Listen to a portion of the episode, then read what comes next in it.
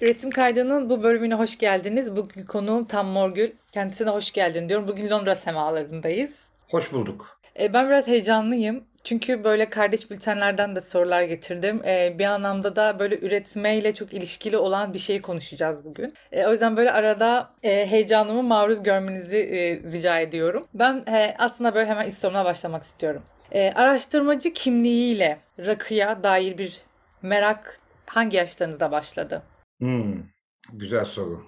Rakıya merak tabii e, babamın sofrası vesilesiyle eskidir. Ne içiyor bunlar falan diye böyle değişik değişik kokuyor diye. Ama hani araştırmacı kimliğimle bir şey de üreterek e, herhalde 2008, 2007-2008 olması lazım. Ama yani şeyde de ufak tefek 2004'te yani birazcık rakı değil de bira tarafından, meyhane tarafından minik minik bir şeyler hani okuma etme. Aslında şey, e, 2000'lerin başında Kuzguncuk Bostanı'nı koruma mücadelesi e, yaparken hani e, haliyle İstanbul'un eski e, haline çok fazla gidiyorsunuz. Peşi sıra olay Kuzguncuk'tan çıkıyor, İstanbul'u koruma hikayelerine dönüyor 2000'lerin başında. O dönemlerde bayağı yer almıştım o hareketlerde de. Kuzguncuk Bostanı hareketinde zaten Kuzguncukluyuz aile olarak. E şimdi eskiler, meskiler, eski İstanbul deyince otomatikman e, eski meyhaneler de devreye giriyor. Hele Kuzguncuk Boğazköy olduğu için. Dolayısıyla bu hikayeleri önce büyüklerden dinliyorsunuz, sonra yetinmiyorsunuz. Peşi sıra gidiyorsunuz ama yalan yok. O dönemlerde daha fazla gündemimi sosyal hareketler e, Türkiye'de ve dünyada Latin Amerika'ya gidiyordum, Kuzey Amerika'ya, Afrika'ya böyle eylemlerin peşinden dünyaya gidiyordum. Aynı zamanda bir network'ün içerisindeydim. Konut hakkı, Yaşam Hakkı Network'ünün. Right to the City aynı zamanda şehir hakkı. E da böyle işte e, yani hani tam böyle kent muhabbeti ortaya çıkınca kent çalışmaları. O böyle tek başına çıkmıyor sadece sosyal hareketler olarak çıkmıyor. Kent kültürüyle de ilgili çıkıyor. Kamusal alan mevzusu çok fazla o zaman konuşuluyor. Masalarda muhabbet ederken ağırlıklı meyhane masalarında tabii fark ediyorsunuz ki hele konu İstanbul olunca belki de dünyanın en eski kamusal alanlarından birinin tamam kabul ediyorum erkek egemen ama e, meyhane olduğunu görüyorsunuz. Yani muhabbet anlamında, üretmek anlamında değil de belki muhabbet anlamında, merak anlamında, okuma anlamında eski. Bir arkadaşımın ismini almam lazım çünkü ben tarihçi değilim. Bu muhabbetlere e, yani bazı isimlere onun sayesinde ulaş, ulaştım ki bunlardan bir tanesi Reşit Ekrem Koçu'dur. O yüzden Ulus Atayurt'un kendisiyle İstanbul Meyhaneler rehberini yaptık. Ovutim yayınlarından. İstanbul Dergisi'ni yaptık. 2006-2007 senesinde Tarih Vakfı'nın İstanbul Dergisi. Reşit Ekrem Koçu'yla onun sayesinde tanışmıştım.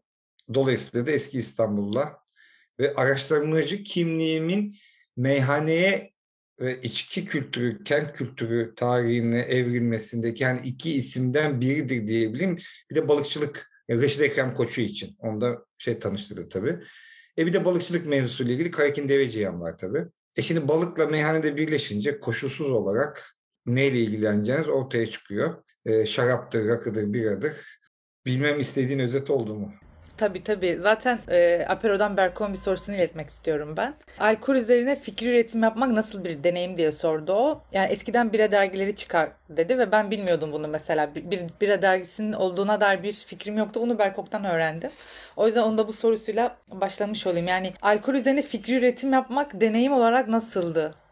E, çok eğlenceliydi ve hala eğlenceli. E, ben 2000'lerin ortasında e, içki kültürü Dolayısıyla kamusal alan kültürü, eğlence kültürü, e, mekan e, kültürü, ka, kentte mekan kavramlarıyla bunlar hepsi iç içe geçen bir şeyler. Yani alkol kültürü çok açıklamıyor bu mevzuyu. Sadece İstanbul'da değil, Akdeniz'de de açıklamıyor. Çünkü yani tarih hani biraz girerseniz Drunken Monkey teorisine kadar hani ağaçtan inme yolculuğunun nedeninin e, o kokuyu veren, e, ilgi çeken mayalanmış meyve olmasına kadar içki, yani fermentasyon diyeyim hatta ve disilasyon insanlığın özellikle neolitik Hatta şimdi ortaya çıktı ki Neolitik öncesi, Paleolitik, Neolitik arasında Natüfyen dönemden itibaren ki ondan önce de insanlar kafayı buluyor. Buz oluyordu diyeyim hatta İngilizce'de bunun için çok güzel bir kelime var.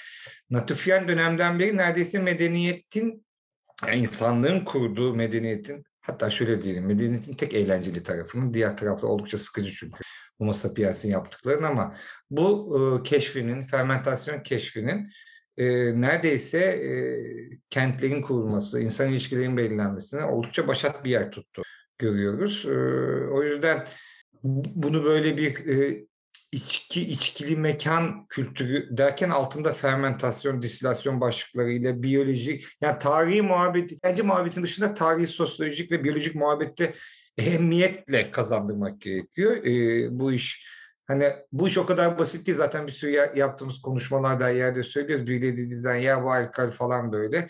Hani ağzın ortasına terlikle inecek külliyat var elimizin altında. Bütün dünyada yapılmış. O yüzden sırtımız sağlam. Bira dergisi, Bira da biliyorsunuz artık Göbektepe kazıları peşinden Hayfa kazıları e, İsrail'de e, ortaya çıktı ki şu anda maddi kültür, maddi tarih kültür açısından en eski içecek. Yani şaraplar arasında yine söylüyorum maddi kültür açısından arkeolojik kazılar dayandırarak söylüyoruz. Yoksa bundan belki bir sene sonra veya bin sene sonra öyle bir şey bulurlar ki bu resim değişebilir. Distilasyon açısından değişmez de fermentasyon açısından şarap belki daha yaklaşabiliyor ama şunu biliyoruz bir en eski içki. İçkili e, tarihi çalışırken ha daha güzel oldu bu. İçki tarihi değil de içkili tarihi çalışırken e, bunu öğrenmiş oluyorsunuz. E, bir de ben 2000'lerin ortasında biraz yurt dışı deneyimleriyle de craft bira veya başka türlü bira, ale tatmaya başladım. Ale tatmaya başlayınca da aslında bizim hani lager, pilsner, Akdeniz'in işte yani bira dünyasının bundan ibaret olmadığını, kocaman bir dünya olduğunu gördüm. O zaman da işte her gittiğimizde bunu tatmaya çalışıyorduk. Taps diye bir yer vardı işte ilk öncülerinden İstanbul'da. Oraya uğruyorduk yurt dışına çıktığımızda tadıyorduk ve birbirimize biralar getiriyorduk yurt dışına çıktığımızda. Sonra da o dönemde Anadolu Efes'teki arkadaşlarla güzel bir muhabbet yakaladık ve Türkiye'nin ilk bira kültürü dergisini yaptık.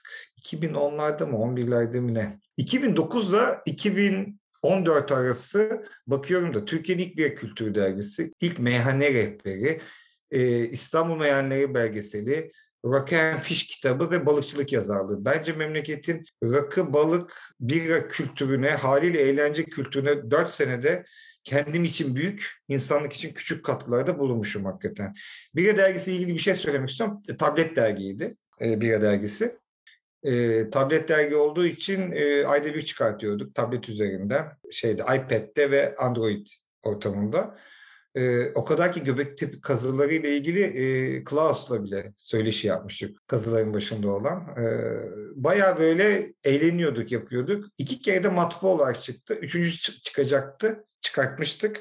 Dağıtımdan önce o meşhur Gezi'den üç gün önceki, e, şimdi yeniden gündemimizde olduğu için söylüyorum, Gezimizden diyelim hatta özellikle altını çizelim. Güzel Gezimizden, e, Gezi direnişinden e, üç gün önce hani o Melun yasa ile birlikte satışı e, ve yayını dur, durmuş oldu.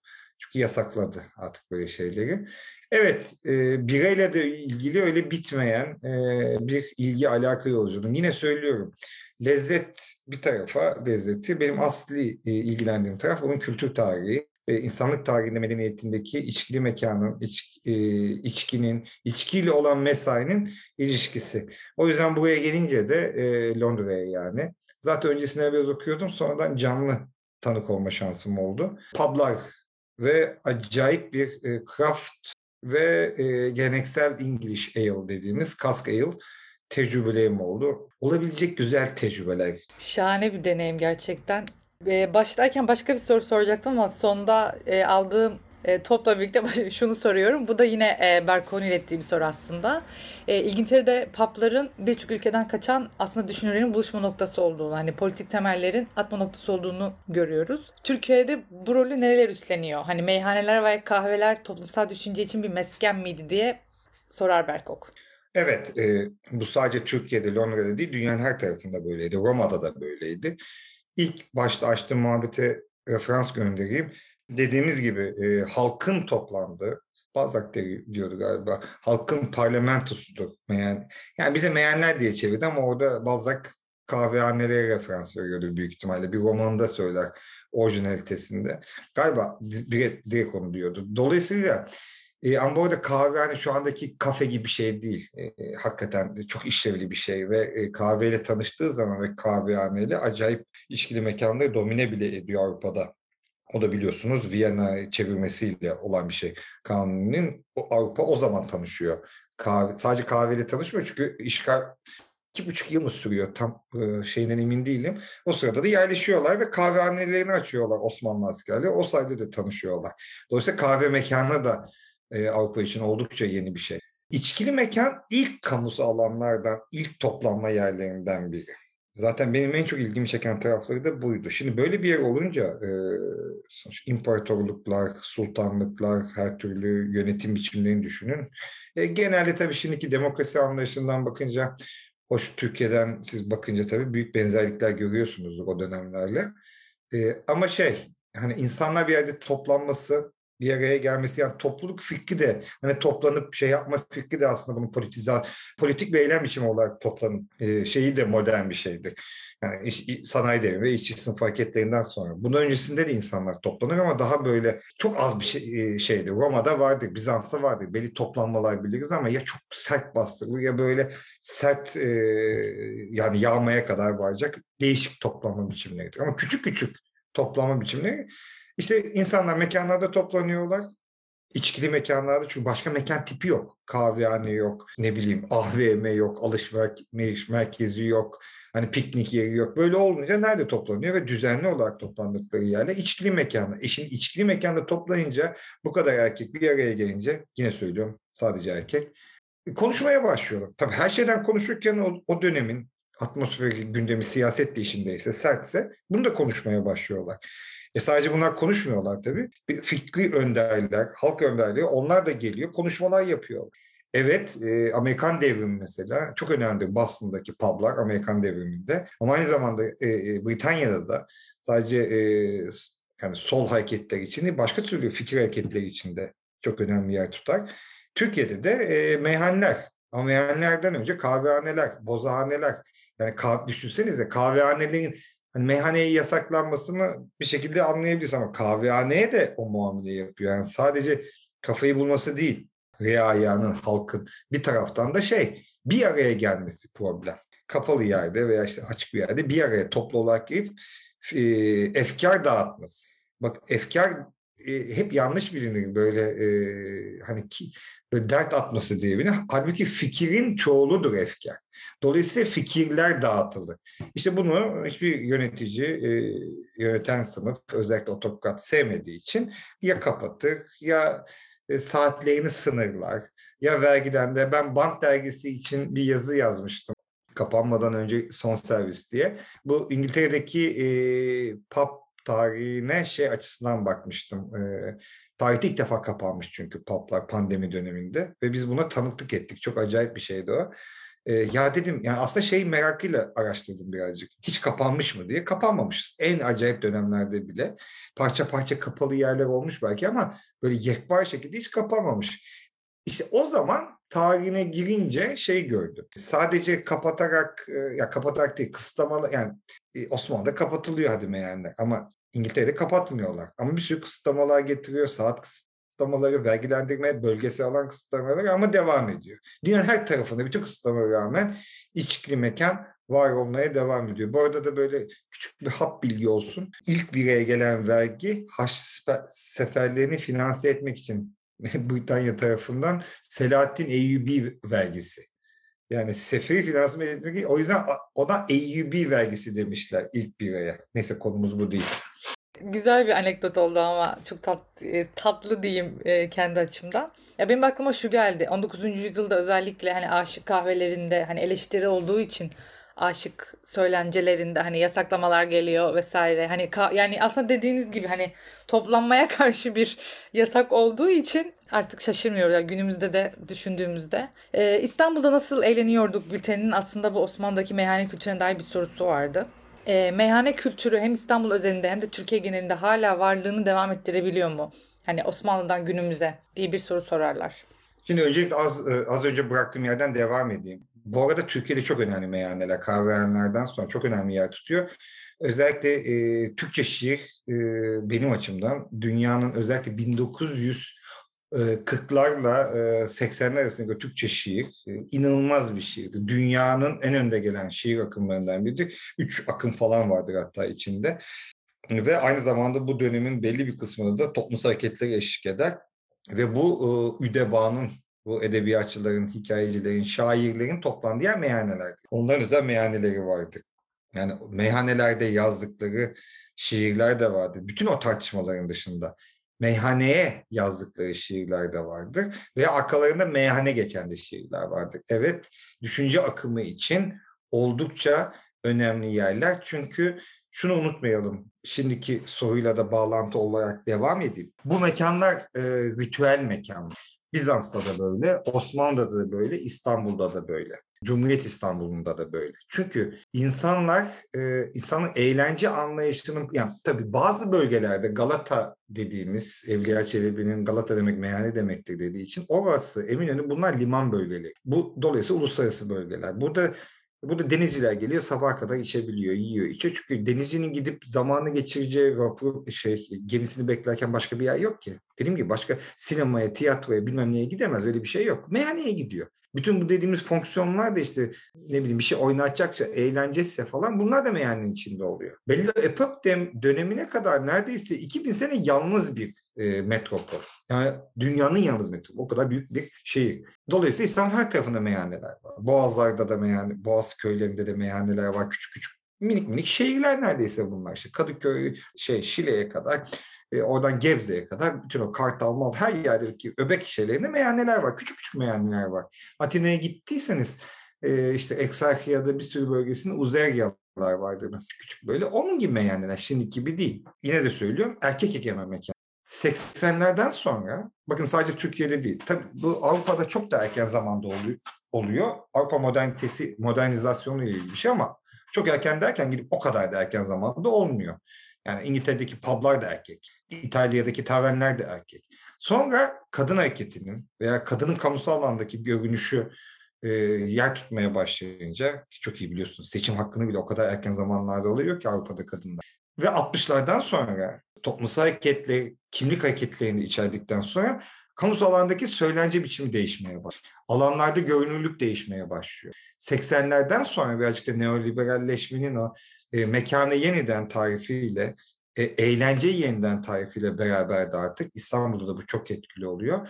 Bu sefer e, içkili lokanta dediğimiz şey o eski meyhane değil.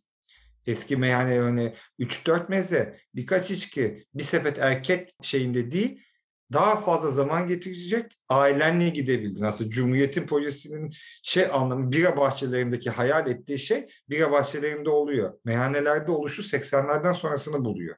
Eğlence anlayışı değişmeye başlıyor. Yine e, kadın hareketine şapka çıkartıyoruz. İstanbul, işin Türkiye İstanbul tarafında. Bayağı eylem biçimi olarak meyhane basılıyor.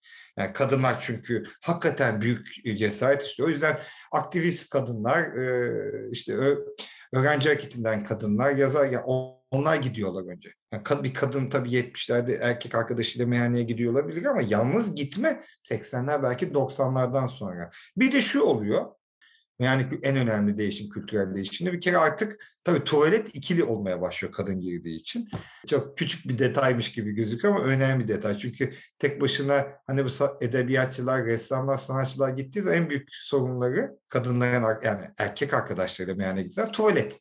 Çünkü tuvalet tamamen erkeğe göre dizayn edildiği için e bir de buralar çok hani alt sınıf yerleri olduğu için en az ilgilenen konu sterilizasyon. Yani bir erkek tuvaleti tabii tahmin edeceği üzere kadın için e, felaket bir e, poz veriyor. Neyse dolayısıyla bu giriyor. E, bu girince böyle birazcık eli yüzü düzgünleştirelim diyorlar. Masa örtüleri temiz, tabak çanak. Dediğim gibi eskide 2-3 mezeyle yani bir iki saat gidip tık atılıp terk edilip akşam yemeğinin evde yendiği bir meyhane. Ve asırlarca alt tabakanın gittiği bir yer meyhane. Meyhaneye zenginler gitmezdi. Osmanlı'da da Bizans'ta da. Bizans'ta ve Osmanlı'da zenginler, aristokratlar, asiller ya yalılarda ya saraylarında ya binalarda ya da özel açık alanlarda kurarlardı. Meyhane tamamen halkın. 80'lerden sonra artıksa her, herkesin gittiği, uzun zaman geçirilen, dolayısıyla uzun zaman geçirildiği için daha fazla yemek tüketmeniz gerekti. O yüzden ara sıcakmış, ana sıcakmış böyle bilmem 40 tane mezeymiş bunların devreye girdiği bir yere dönüyor. Ve e, ciddi bir eğlencenin konusu olmaya başlıyor. Ama dediğim gibi 2000 e, birkaç not düşeyim bilmeyenler için enteresandır. Yani iki, belki böyle 1700 sene öncesine kadar izini sürebiliyoruz 300'lere kadar. Çünkü o zaman tam Konstantinopolis kuruluyor artık ama muhtemelen 2000 falan yaşındaysa meyhaneler yani izini sürebildiğimiz kadarıyla belki öncesinde. Buralar erkek egemen, şarap tüketilen veya puska tüketilen Puska'da böyle bira yok ama çok garip bir şekilde bu topraklar Anadolu biranın doğduğu topraklar ama bira neredeyse kayıtlarımıza doğru hiçbir yerde görülmüyor. Bir Kalkedon çevirmesinde birazcık görülüyor. O da e, İliglerin, İligli askerler geliyor çünkü kuşatmaya katılıyorlar. Onların yanında getirdiği bir şey Balkanlardan gelmesi. Onun dışında hiç göremiyoruz meyhanede. Puska'da böyle en kötü şarap yani. Şarap artığı gibi şarap. Genelde askerlerin içtiği çok uz- ucuz olduğu için. Yani meyhanede rakın egemen olması da herhalde topu topu egemen olması diyorum. 80-90 sene bir şeydir yani. 2000 senelik tarihinde. Belki 60'larda bile hala bir sürü meyhanede şarap içiliyor yani o kadar değil. Rakılı yer, rakı sunulan yerler var. Eski Osmanlı'da da var tabii. Bizans'ta yok tabii de. Osmanlı'da da var. Geç Osmanlı'da sonrasında da. Ama o sunulan rakı da sek içiliyor. Rakıya su karıştırılması ve rakının egemen olması son derece modern ve yeni bir şey. Bardak büyüdü çünkü buz buz geliyor artık ve soğutabiliyorsun. O zaman da şey, çok bozuluyor geleneksel içenler. Aralarında Reşit Ekrem Koçu da dahil olmak üzere rakıya su karıştırmasına ve uzun limonata bardakta içilmesine çok bozuluyorlar. Hoş Reşit Ekrem Koçu meyhaneye kadın girmesine de bozuluyor. O kendi cinsel tercihiyle de ilgili olduğu için. Dolayısıyla böyle o, o zamanda da hani nerede o eski meyhaneler diyen o zamanda da Ortodokslar var. Üdeba içinde de var. Çok teşekkürler. Bayağı bilmediğim şey öğrendim ve böyle üretimle ilişkisine dair şunu sormak istiyorum aslında. Ritüel mekan dediniz ya o beni çok böyle oradan yakaladı. Ya üretim konuşulan masalar aslında bu masalar. Yani dediğiniz gibi sinema olsun, edebiyat olsun ve biz kapanma olduğunda aslında ilk bunu özledik. Yani biz bir masanın etrafında toplaşmayı, içtiğimiz şeyin işte bira, şarap, rakı olmasını ve hani orada bir üretme konuşma. Hani o ritüeli özledik. Aslında burada biraz devreye geç girmeye başladı. o yüzden onun kuruluş hikayesi ve e, sınırları aşan bir online buluşmada bile ya yine bir meyhane çatısı altında buluşma ihtiyacı ne olabilir diye sormak istiyorum. Yani benim cevabım böyle ritüel olmasıyla alakalı ama sizin cevabınızı duymak istiyorum. Peki o zaman soru sorarak başlayabilir miyim senin cevabına? Ee, Tabii ki acaba de. sadece şeyi mi özledin? E, masada arkadaşlarına buluşup demlenip üretimden konuşurken kendi başınıza onu mu özledin? Yoksa senin gibi böyle başka masalarında olduğu, ufak arkadan seslerin geldiği, onların da döndüğü, arada bir gözünün kaydığı bu ortamı mı özledin? E, kesinlikle bu ortamı özledik. Çünkü mesela e, başta hani Zoom toplaşmaları yapıyorduk. Hani diyelim ki e, herkes bir şey alıp geliyordu ama hani bi, biz bizeydik. Hani bu e, hani bu getirindeki masaları görmek, başka insanlar var, kim var? E, gerçekten bir meyhanedeymiş gibi. Aa o varmış burada. Nereden geldi? Ne alaka? Nasıl denk geldik? gibi bir şeyin bile olması hani onu özlediğimi hani içine girince, deneyimleyince bu meyhane deneyimini fark ettim. Hani dediğim gibi burada şeyi ben merak ediyorum. Hani gerçekten bunun bir meyhane çatısı olması gerekiyor muydu? Niye o olmadı? Niye e, bir Zoom yetmediği ben çok sorguladım. Ama işte biraz cevabını kendi içimde aldım. Hani e, bu bunun deneyim olması, bir ritüel olması. Hani bu biraz böyle yıllardır olan bir şey. Hani orada sanat konuşulur, edebiyat konuşulur. Ya, tüm fikirler oradan çıkar. Hani ben gerçekten üretim kaydında çoğu zaman duyduğum bir hikaye. Ya böyle bir rakı masasında bulduk bu fikri. İşte bir gün çok mutsuzduk. Bunu düşünürken aa biz bunu yapsak mı dedik falan. Yani hep böyle bir şey. Ya bir yandan network'ün oluştuğu yerler oralar. Yani daha yeni mesela festivalin kapanış partisinde ya da işte festival arasındaki bir oturmada. Bu böyle artık dediğiniz gibi bir ritüel ama bir yandan da aşırı besleyen bir şey. O yüzden ben böyle hani Getrin'de kurulmasında böyle bir amaç var mıydı diye sormak istiyorum. Mehmet Ali Alabor ile ortağım Akın'da vardı o zaman. Ee, yani biz Londra'da meyhane yapmaya başlamıştık. Pop-up meyhane. Hatta kapanmadan 3 gün önce de Rebetiko meyhanesi yapmıştık. Çiğdem Aslan e, grubuyla gelmişti ve kapandık. Sonra 16 Mart'ta kapandı. Hatta Mehmet Ali'nin de e, turnesi olacaktı memleketimde. insan manzara turnesi. Enfes bir oyun. Birinci kitap. Enfes bir oyun hazırlamıştı. Dört oyun oynayabildiler. Kapandık çünkü. Sonra biz işte bizim zaten bir İstanbul Asfer diye bir fikrimiz vardı. Bütün bunlardan önce. Yani böyle hani yeni bir göçmen tipi var çünkü Londra'da, Berlin'de, dışarıda. Yani e, hani ah be deyip çıkmış olanlar yani sadece böyle ekonomik politik şeyle değil de ya yani çocuğu olan için çocuğun bir doğru düzgün bir şey olsun eğitim alsın bedava olsun huzurlu bir şekilde büyüdü. Bir de böyle ya olmuyor burada. Olmuyor yani. Gideyim e, çünkü eğitim var, dil var, yetenek var. Başka yerde dinliyor.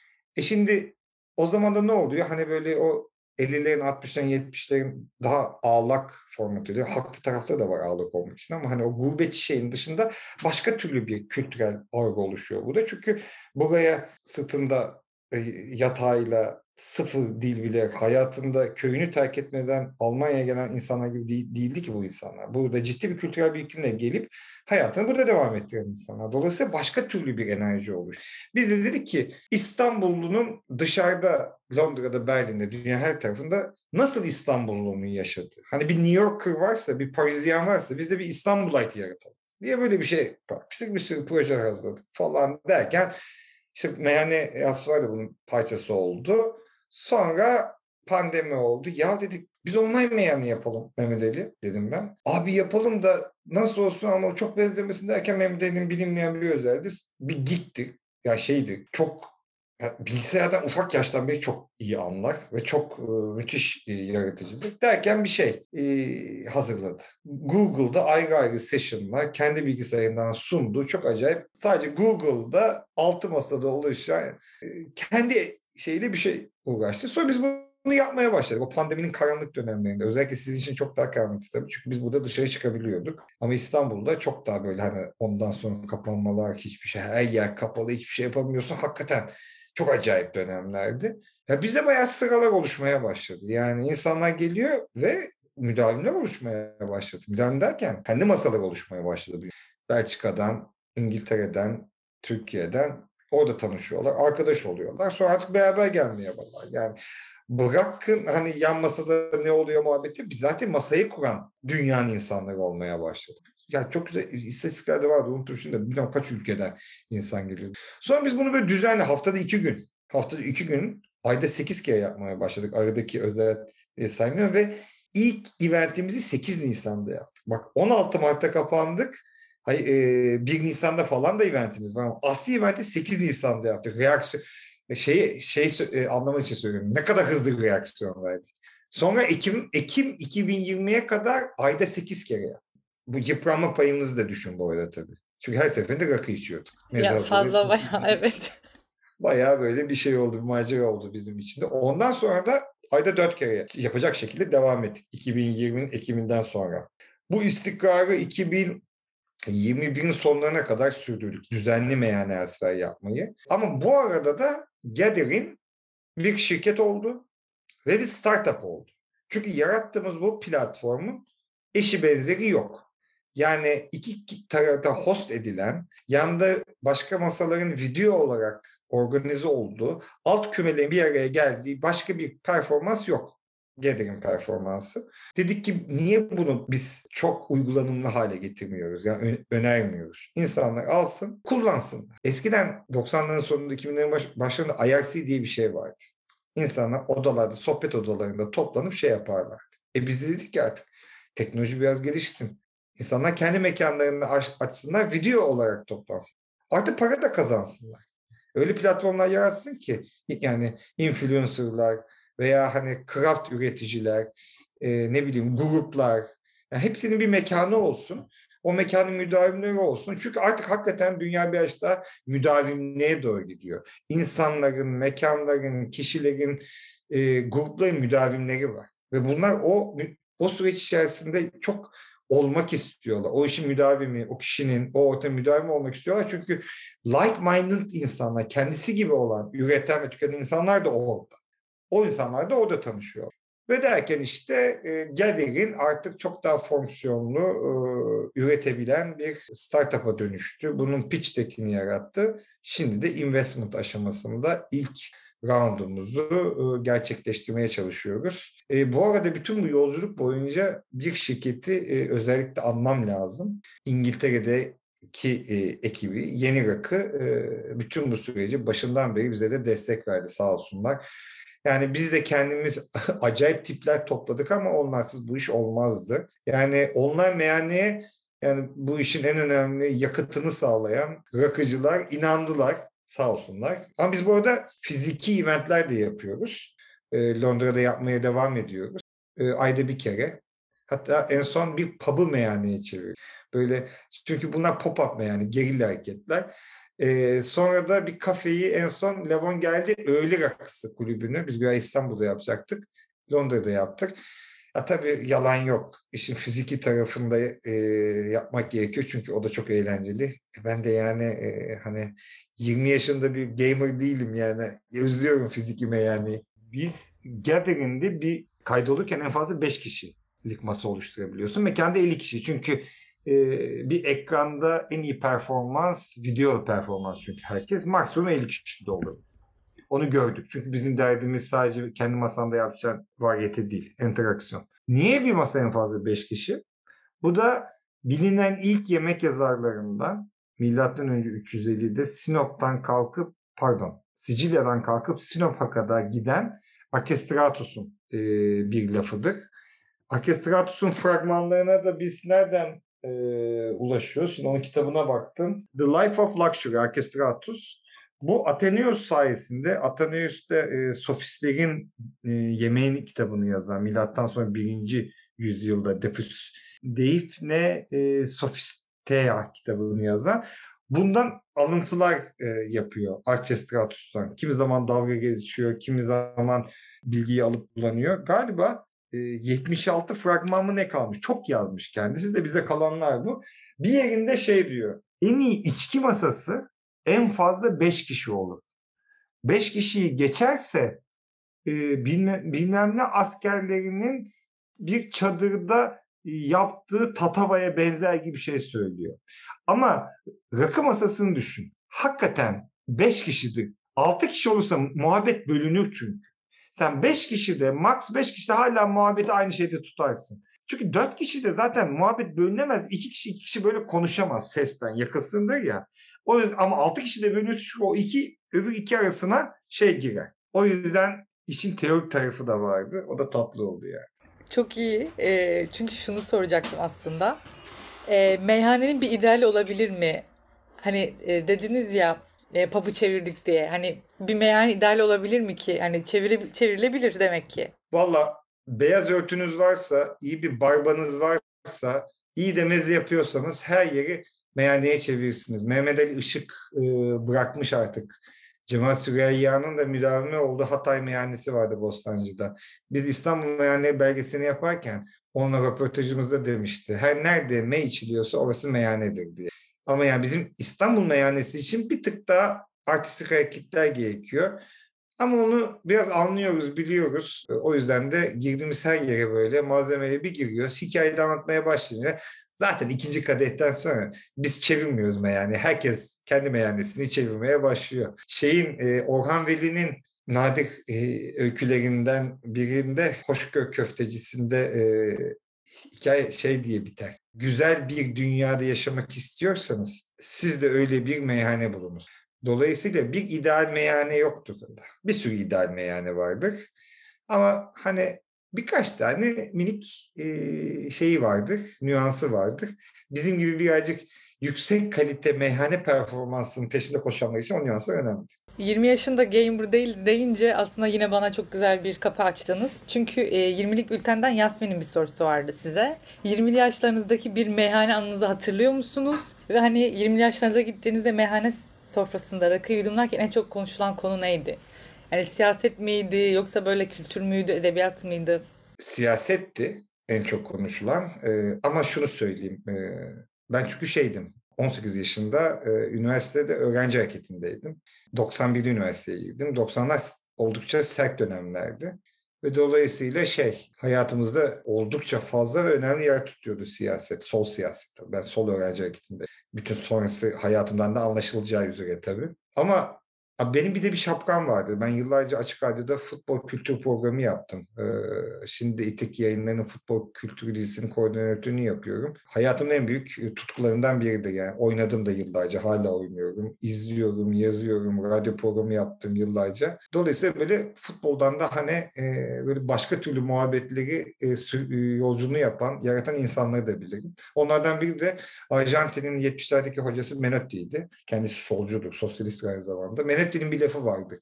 Ee, sadece futboldan anlayan aslında futboldan da anlar. Bu benim hayatımda e, en hani sürekli karşıma çıkan her türlü işte o yüzden de sürekli insanların karşısına çıkardığım bir laftır. Evet çok 18 yaşından bir aktivistim, solcuydum, sosyalistim. Hala da kendimi öyle görüyorum. Ama futboldan da, iç, içki kültüründen de, kent kültüründen de, edebiyattan da, sinemadan da hoşlaştım ve her hoşlaştım, balıkçılıktan da her hoşlaştığım konu gibi onunla ilgili biraz kafa yordum, okudum, bilene sordum. Hani şimdi meyhane masası bence her şey konuşulabilir hakikaten.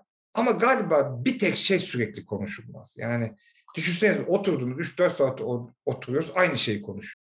E çünkü bu şu değil ki yani meyhane masasında her şey olur ama bir homojenlik olmaz. Çünkü oraya şey oturuyorsun, yani arkadaşlarınla oturuyorsun. Herkes masaya bir şeyle getiriyor ve dünya yıkılsın. İkinci kadetten sonra başka bir evrene geçebilirsiniz. Üçüncü kapasitenize göre diyeyim.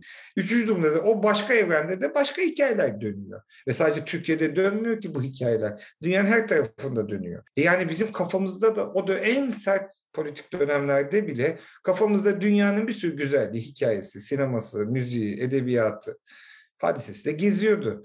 20'li yaşlarımda unutamadığım şeyler var herhalde. Yani şu anda olmayan meyenler vardı. Çünkü artık orada o bülteni yapan arkadaşımız içemeyecek mesela. Şey çok hoşuma giderdi. Öğretmen evlerinin bahçeleri vardı İstanbul'da. Hala belki onlar vardı. Ziver Bey'de bizim üniversiteye yakındı. Onun bahçesinde içerdik. Arada bir Abon sınıfında bir e, kısmının çekildiği koşu yolundaki öğretmenler evinin bahçesinde içerdik falan ve öğrenci üniversite öğrencisi paralarımızla yapardık.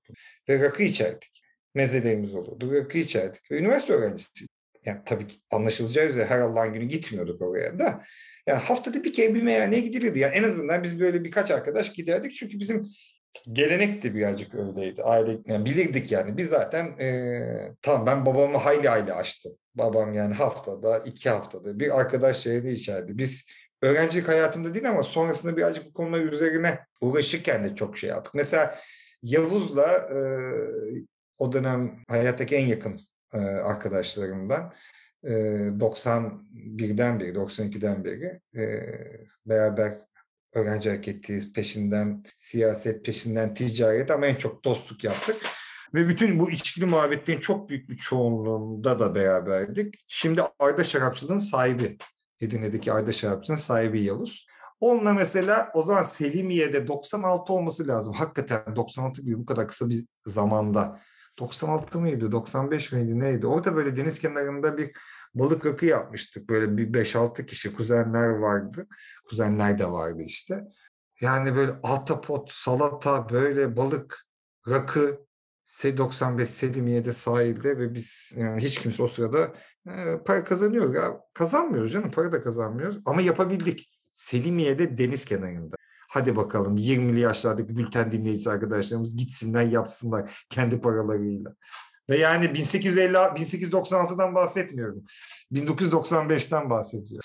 Dolayısıyla her makul demokratik bir ülkede olduğu üzere akli dengeniz yerindeyse bir yaşa gelmişseniz içki, içkili mekan, ortam ulaşılabilirdi çok demokratik olduğumuzu o zaman da söyleyemezdim ama daha işin o tarafına gelinmemişti. Sonradan çünkü büyük bir nefret ve aslında pragmatizmle saldırıldı içkiye, e, içkili kültüre veya içkili ortama.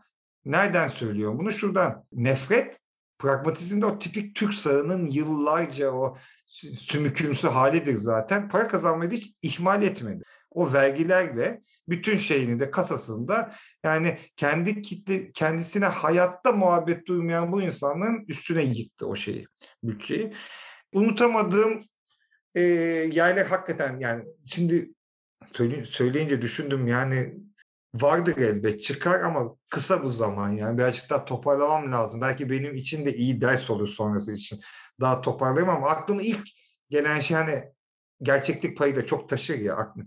İlk de o geldi yani artık olmayan meyhaneler. Yani düşünsenize şey çok acayipti yani tarihsel bir hafızam var. Benim var kişisel olarak.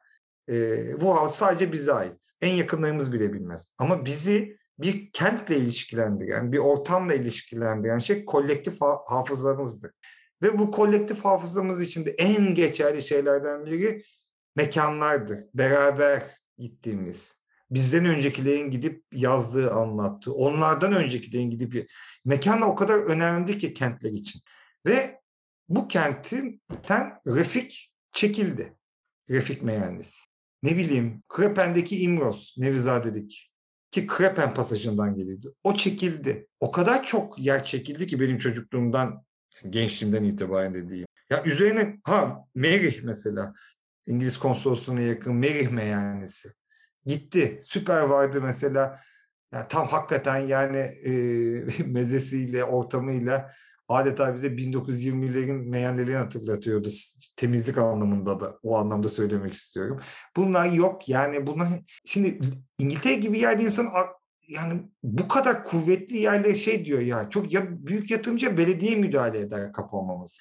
Biz hepsi teker teker kapanıyor. Yani çok çok büyük bir acı. Hoş memlekette mekan yani meydan hani öyle beraber anılarımızın olduğu her yere çöküldüğü için yani ama yani ben içkili mekan üzerinden de bir göreyim dedim. Uzattım pardon. Ee, yok ya ben de şunu aslında söylemek istiyorum burada hani ya pandemide de işte böyle kapanmadan sonra tekrar döndüğümüzde şehrin sokaklarına falan pek çok mekanı bulamamak beni çok üzmüştü. Onu da böyle kayıtlara geçirmek istiyorum. E, madem kent hafızası desek aslında bu 2014'te başlayan o üretim sürecinde bu belgeselle biraz gelmek istiyorum. O belgesel kaç yılda çekildi? O festival süreçleri nasıldı? Böyle bir o anılara gidelim. Çünkü en son 41. İstanbul Film Festivali'nde Çilingir Sofrası'nı izledikten sonra şunu fark ettim. Herkes bir meyhaneye dağıldı. Yani o, o gece herkes öyle bir tweet attı. Şu an meyhanedeyiz biz filmden çıktık falan diye. E, o yüzden acaba o belgeselden çıkınca insanlar meyhaneye gitti mi diye bir düşünmeden edemedim şu an. 2012'de yayınladık. 13'te olabilir. Bir senede falan herhalde bitirdik. Çekimler yani herhalde %95'i falan İstanbul Atina olmuştur. Daha doğrusu Atina'ya bir sefer gittik ama uzun gittik. 10 gün kaldık. Servet Dilber, Gürcan Öztürk yönetmen arkadaşlarımızı da analım. Yapımcısıydım ben Yavuz'la, Yavuz Saç'la. Ee, ben zamanda metnini yazdık, senaryo metnini.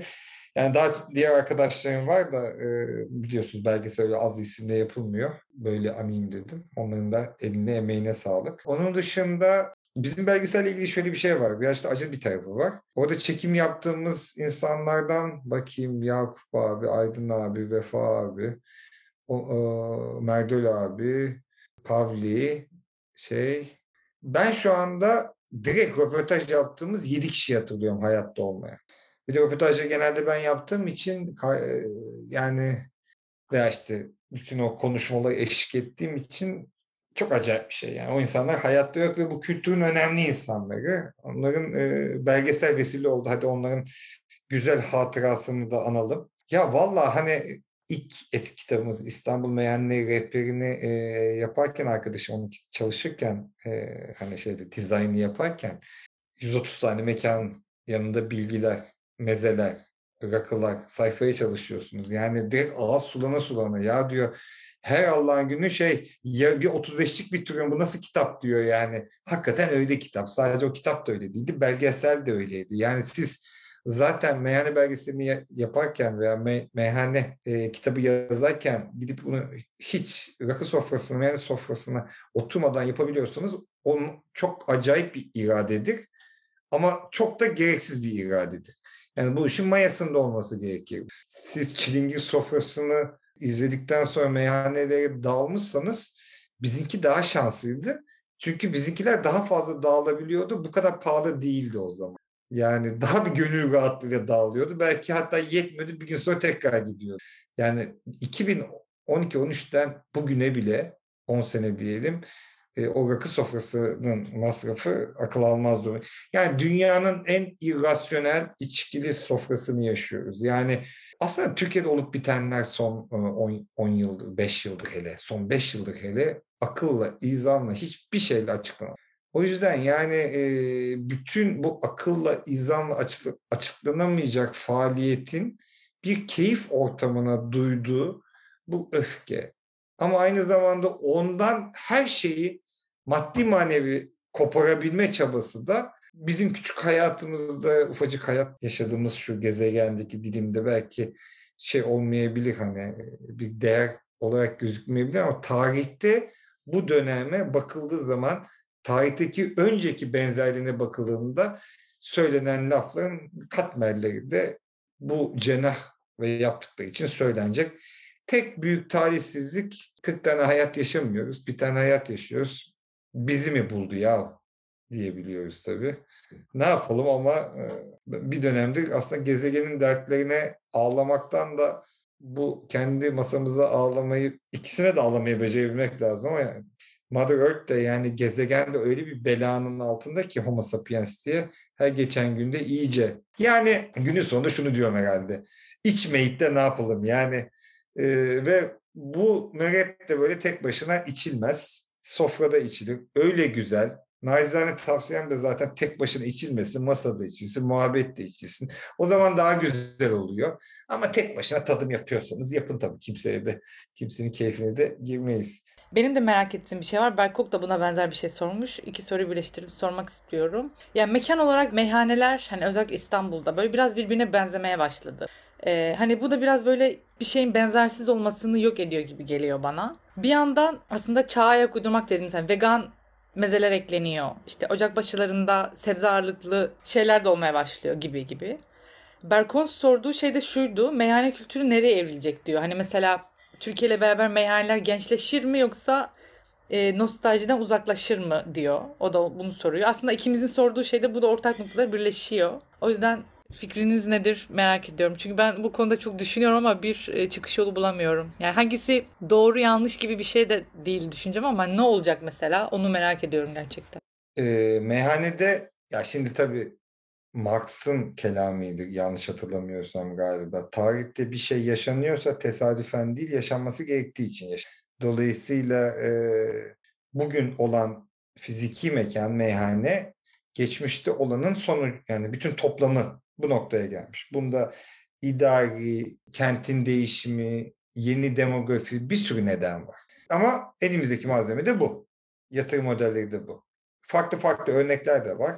Çok daha farklı olanları zaten hepimiz buluyoruz, gidiyoruz. Herkes kendi kafasına göre güzel meyhaneyi buluyor zaten. Meyhanenin güzelliği de müdahale olunacak bir yer olabilmesi. Fiyat skalası dışında söylüyorum. Meze zaten eğer rakı içiyorsanız meyhanede mezeden öyle büyük gastronomik performanslar beklenmez. Zaten ikinci kadetten sonra kendimizi kandırmayalım yani rakı içiyoruz. Yani ana sonlu bir içki, alkol oranı yüksek. Dolayısıyla yani böyle ağzımızda paletler dalgalanmıyor şeyleri, o mezeden gelen tatlar dalgalanamıyor ağzımız ama son kokuyor yani.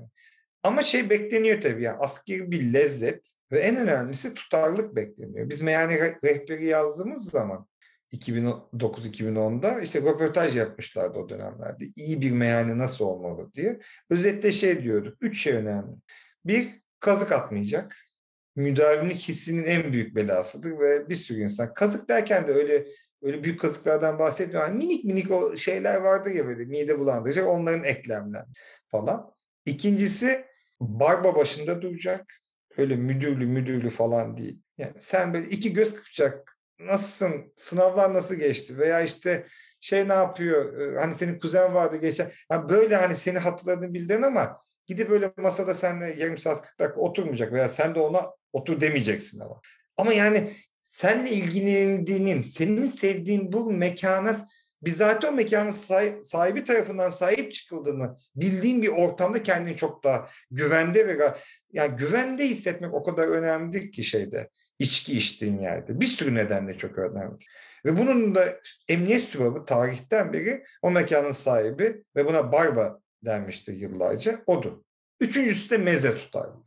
Öyle veya böyle bir nedenle sen bir sene sonra gittiğin, iki sene sonra bir arkadaşın gel, sen arada düzenli gitmeye devam edip de bir yerden bir arkadaşın gelip de güvenle götüreceğin, rahatla götüreceğin yer ve ne yiyelim dediği zaman sana bırakır ya o. Sensin onun müdavimi. Sen de şunu bilirsin. Bunları yersek bunlar hep aynı burada. Üçüncüsü de meze tutarlı. Şeye gelirsek meyhaneler ne oldu ne bir kere meyhaneler asla tarihlerinde böyle yerler olmadı. Bu kadar e, konforlu, bu kadar iyi dekore edilmiş, temiz, büyük, pahalı yerler hiç olmadı. 1990'lara kadar olmadılar. O kadar yakına geliyor. Yani ve 2000 senelik bir tarihten bahsediyor. evet 1990'lar dedi yani yaş dönemlerimize giriyor artık. Yani onun öncesini bilenler var. Yani şunu düşünebiliyor musun? Mesela Boğaz manzaralı bir meyhanede haftanın 2-3 günü gidip takılabiliyoruz. Boğaz, Boğaz'a sıfır bir meyhanede. Şimdi Boğaz'ın kenarında duran meyhanelere belli alım gücünün dışındaki insanlar kapalı o meyhane. Tamam senede bir iki kere gidersin de meyhane böyle bir şey değil de senede bir iki kere gidecekler. Bir kere içki çok pahalı. E, mekan kirası başka boyutlara gelince mezelerin üstüne, kuvverin üstüne, servisin üstüne şey denen pahalı. E bir de balık da, et de bunlar da çok pahalı. Her şey çok pahalı. E ne yapacaksın sen bir keyif yapacaksın diye servet mi dökeceksin? Öyle bir hayatlarımız da yok. Dolayısıyla daha arkada manzarası olmayan ara sokak mekanları daha çok hani o mekanlarda dolmaya başladı. Ha onlar dolunca ne oldu? Bu ara sokak meyhanenin ortamında başka türlü hayatlar oluşmaya başladı. Çünkü oraya başka türlü insanlar gitmeye, öğrenciler, sanatçılar gitmeye başladı. Çünkü ucuz olduğu için o meyhaneler ve yeni meyhane sokakları oluşmaya başladı. Ama şu da oldu tabii. İstanbul'da meyhane bölgeleri oluşmaya başladı. Daha doğrusu içkili bölgeler oluşmaya başladı. Ve İstanbul'un eğlence hayatı çok daraldı. Çok belli bölgelerde, arterler de daraldı. Bunlar sıkışma yarattı. Bir kentin esnekliği için çok iyi değildir. Mesela e, kentin esnemesi lazım. Bütün bu alanların, e, kamusu alanların ve eğlencenin dağılması lazım. İstanbul'da tam tersi oldu. Muhafazakarlaşma ve bu 20 senelik bu daha doğrusu 1980'den beri aslında 12 Eylül'den beri oluşturulan bu muhafazakar tabaka belli yerleri iyice kapattı. Yani bu arada İstanbul büyümeye devam etti. Ne oldu ondan sonra? Elimizde böyle sürekli yani insan yığınına dönmüş bir Kadıköy, Beyoğlu, Beşiktaş. Nişantaşı her zaman bir tık daha farklı oldu çünkü oradaki veya Bebek, Boğaz yerleri fiyat skalası yukarıda olduğu için. E öyle olunca da meyhaneler burada rekabet edebilmek için, içki sattığı için de belli vasatlara en azından vermek zorunda kaldılar. Çünkü artık bütün şehre, sadece müdavimliğe değil, bütün şehre seslenmek durumunda olduğu için şey olmaya başladı. Yani bir de tabii e, memleketin geldiği ekonomik meseleyle ilgili yani bir meyhane işletmek hiç kolay değil ki hele böyle bir iklimde. Verdiği kira, içki masası, ettiği kar. Eskiden aldığı rakıya belki 3-4 katı koyarken şimdi bir buçuk katı bile zor koyuyor.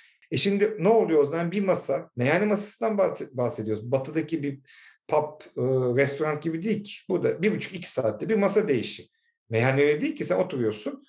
Bir buçuk saatte gelse hadi hesap diye adama bir daha uğramazsın orada. O yüzden ne yapıyor? O şeyleri genişletmeye, daha doğrusu madem bu kadar uzun oturuluyor o zaman hani mezeden masrafından, oradan buradan keseyim diyor. Veya daha sık seni ziyaret ediyor. Yani hiç alışık olmadığın şekilde. Yani kalkacağım mı gibi.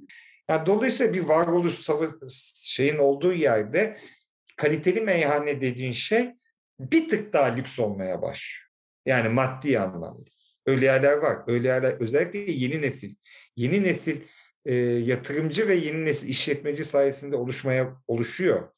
E, belli bölgelerde Kadıköy gibi yerde de oluşuyor. Kadıköy meyhane açısından son derece fakir bir yerde.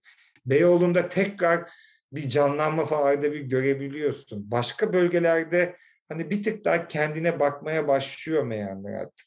E bu arada 2010'dan itibaren benim bir parçası olduğum ve yani hakkını verelim ağırlığını yeni rakının destekledi. Çok fazla içi kültür projeleri yapılıp görülmeye başlayınca da bu meyhane kültürü nedir, ne değildir diye artık şey de öğrenmek zorunda hissediyor kendini işletmeci veya oradaki çalışan çünkü artık bilinçli de bir tüketici olmaya başladı. Tamam yani müşterisinin çoğunu kaybetmiş olabilir ama gelen müşteri de merak etmeye başladı. Veriyor mesela Burak'ı, Burak hani niye kuru üzümden veya niye bunda yaş anason kullandı? Şimdi bunlar bir, iki, üç, dört kere gelince bu şey dönüyor abi ya şu nereden öğreniriz bunları demeye başlıyor. Kime diyecek? Yine bu konudaki kültürel yatırımı yapan sağ olsun yaptıkları için MEY'in dağıtımcılarına söylüyor. Onlar da şirkete dönüyor. Onlar da kitapla ya bakın bunları okuyun. Bunları okutun diyor. Çünkü müşteri soruyor artık. Bu burada mesela olumlu gelişmelerinden biri oldu. Yani yaklaşık 10-12 senedir ciddi meyhane ve içki kültürümü şeyinde ve meyhanede sunulanlar rakı üzerine değil mezeler üzerine de ciddi entelektüel çalışmalar var. Bunlar da sadece o işletenler değil. Çünkü e, Levon söylüyordu. E, kimden öğrenmişti? Bak onu unuttum. Bizim Levon Bağı söylemişti. İyi meyhane yoktur, iyi mekan yoktur, iyi müdavim vardır. Sen şimdi oraya 10-15 kişi böyle insanlar gidince artık mekan sahibi mezesinden rakısına, içi kültüründen bir şeyine kadar hepsinde belli bir level'ı yakalamak zorunda kalıyor. Bu gelişiyor işte memlekette. Bilinçli sadece rakıda da değil, birada da artık öyle herkese gördüğün gibi bira şirketlerinde anlamışsın. Herkese öyle klasik lager'ı, pilsneri dayayamıyorsun. Gidiyorsun, iyi vermek zorunda kalıyorsun. Aynısı şarap için de geçerli. Ve şunu da unutmayalım. Her şeye rağmen geçerli. Bu kadar korkunç bir düşmanca denebilecek bir muameleyi görmelerine rağmen bu insanlar içki üretiyor, içki servis ediyor ve ayakta durmaya çalışıyor. Yani evet çok net bir şekilde konuşalım. Israrlı ve tutkulu bir şekilde kült, içkinin kültürü hakkında konuşalım. Ee, üretelim, kızalım, eleştirelim. Ama arada bir de ya arkadaş iyi de az buz da değil yani şu anda içki üretmek. Hele üretme kısmı. Bira üretenler, küçük üreticilerden de bahsediyorum. Sadece büyüklerden değil, şarap üreticilerinden de. Hiç kolay değil memlekette. Zaten aslında hani genç insanlar da hani bu yeme içme üzerine çok daha fazla düşünmeye başladılar. Onun da biraz böyle etkisi olduğunu düşünüyorum ben. Hatta artık genç yazarlar hani yemek içme üzerine de böyle hmm, daha çok yazarlar olmaya başladı. O yüzden böyle e, genç yazarlara bir tavsiyeniz var mıdır diye son bir soruyla artık bitirmek istiyorum. Genç kalsınlar diyeceğim. ya vallahi bu işin ta, e, tavsiyesi yok. Şu var ama yani herhalde ya benim genç yazarlıkla ilgili veya bir kuşakla ilgili en kuşaklar arasındaki e, meseleyle ilgili en şeyin böyle ukalalıktır. Deneyim lafını kullanmak daha önemli. Yani deneyim deneyime dair söyleyeceğim şey kendi deneyimimdir haliyle ve etrafımda gördüğüm olabilecek en geç zamanda oldum demek lazım. Bu aralar gördüğüm en fazla şey çok çabuk oldum. Olur mu? Hayır. Çok fazla okumak, çok fazla yazını silmek gerekiyor bu işlerde. Artı birazcık referans, referansa dikkat etmek. Aldığın her şeyin ilk sahibini imlemek. Her yazanın birazcık akademi, öyle bir akademik terbiyesi olması lazım. Sürekli okuyup denemek. Denemek derken de tabii keşke imkan olan çıksın dışarıda da denesin de imkan olmayan da içeride denesin. Çünkü şey geliyor mesela e, ileride benim için en önemli şeylerden biri bu iyi bir meyhanenin en temel şeylerden bir malzeme olacak. Çünkü yani e, içkiyle ilgili yapacaklarınız sınırlı. Zaten onu yapıyorlar. Rakıyı dışarıdan alıyorsun. Çünkü hala öyle bir rejim var ki içkini kendin yapamayacaksın. Bir sürü insan öyle yani yasalar uygun olsa da o işe girmez. Dolayısıyla iç konusunda bir şey yapamazsın. Şunu yaparsın. İyi içkiyi seçersin. İyi bir mekansan bu konuda bir bilgin olur. İyi şarabını, iyi rakını, iyi biranı seçersin. Ama meze tamamen sende. Ben sana eğer lezzet içinde geliyorsam o iş tamamen sende. E, peki o iş nerede? Sadece reçetelerde değil. İyi malzemeyi nerede bulacaksın? O zaman da iyi üreticiyi nerede bulacaksın? Ve iyi üreticinin o iyi malzemeyi üretmesine devam etmesi için ne koşullar gerekir? Derken ta iş aktivizmine kadar gidiyor. İşte dolayısıyla gıda e, bilinçliliği, gıda aktivizmi, gıda bilgisi hem Türkiye'de hem uluslararası anlamda çok değerli. O yüzden malzeme, şimdi İngilizcesi ingredients, tam Türkçe karşılığını o şeyde bulamıyor ama malzeme deniyor genelde ama soframıza giren ürünleri ve onların kökenleri ve onların üreticilerine dair, üretim süreci diyorsun ya, o da bu sürecin parçası, bir zanaat. Senin sofrandaki bir cacı iki türlü zanaat, toprakla zanaat, sütle zanaat. E şimdi sen üreticiye gidip bununla ilgili ona zaman geçirmen, kafa yorman ve onun hikayesini anlatman. Ben ne bileyim imkanım olsa bu işe yeni yazmaya başlasam bulduğum en iyi tiyolardan biri bu olurdu buna saldırdım. Malzemeciye gideceğim. Her fırsatta gideceğim. Aa ulan bu Edirne'den mi geldi bu peynir? Ne, gideceğim oradaki peynirciyi bulacağım. Sütü nerede alıyorsun abi? Şuradan. Bunun hikayesini yazacağım. O hikaye kalır bir de. Bir de o hikaye gerekli işte. Yani bunu bilmediğim, bunu bilmedikten sonra her şeyi böyle çok iyi kötü gibi bir şeyle sınırlandırıyoruz. Yapabildiğimiz yorum o kadar da kalıyor. Kültür sanatta da böyle, başka bir şeyde de öyle. Hani mesela çay konusunda hani biraz böyle arkadaşlarım şey yapar bana, e, espri yapar. Hani bir yerde oturunca işte beğendin mi çayı falan der. Ben de şey derim beğenmedim ama muhtemelen su şu suyu işte çayda şu çay olduğu için hani böyle bir şey diyemem hani derim mesela. Hani o yüzden böyle bunu bilmek benim de böyle bir, her alana dair yeme içmede de öyle kötü sanatta da öyle e, benim biraz böyle beyin yapım öyle yani hep böyle süreç odaklı nereden geliyor ilki nerede başlangıcı nerede. Tam da tam da bundan bahsediyorum ve artık eskisi gibi de değil. Ses kaydı alsın, görüntü alsın, konuştursun çünkü oradaki o deneyimi bir de o insandan alsın. Yani not, not alsın tabii ben çok notçuyumdur ama sesini ve görüntüsünü kaydetsin onu da bir yere cloud'a eklesin, orada bulunsun ya. O güzel sütü yapan insanın o sesi, yorumu, o güzel hani salatalığı yetiştirenin sesi, görüntüsü, toprağa bir kayda girsin bir kere. Kayda girsin zaten e, üretim kaydının en sevdiği cümle kayıtlara geçsin. E, ve aynen bunlar hepsi sö- aynen hepsi sözlü tarih zaten yani sözlü tarih çalışması olarak da kaydedilsin. Yani arşivcilik de ayrı bir konu, ayrı önemli bir şey bir anlamda ama e, baktığınızda kütüphaneye gittiğinde bile çoğu şey hakkında bilgi bulamıyorsun. Yani merak et yani zamanında bir insan bunu merak etmediyse sen onu merak etsen bile ona dair bir şey çok az bulabiliyorsun. Bu bence çok önemli bir şey. Yani herkes şu anki merakına dair mümkün olduğu kadar her şeyi kayda geçirsin bence de. O yüzden e, bu böyle olsun ve Aynen katılıyorum. O zaman geldiğin için çok teşekkür ederim. Çok keyifliydi. Çok Evet, güzeldi. güzel. Tanıştığım için çok memnunum aynı zamanda.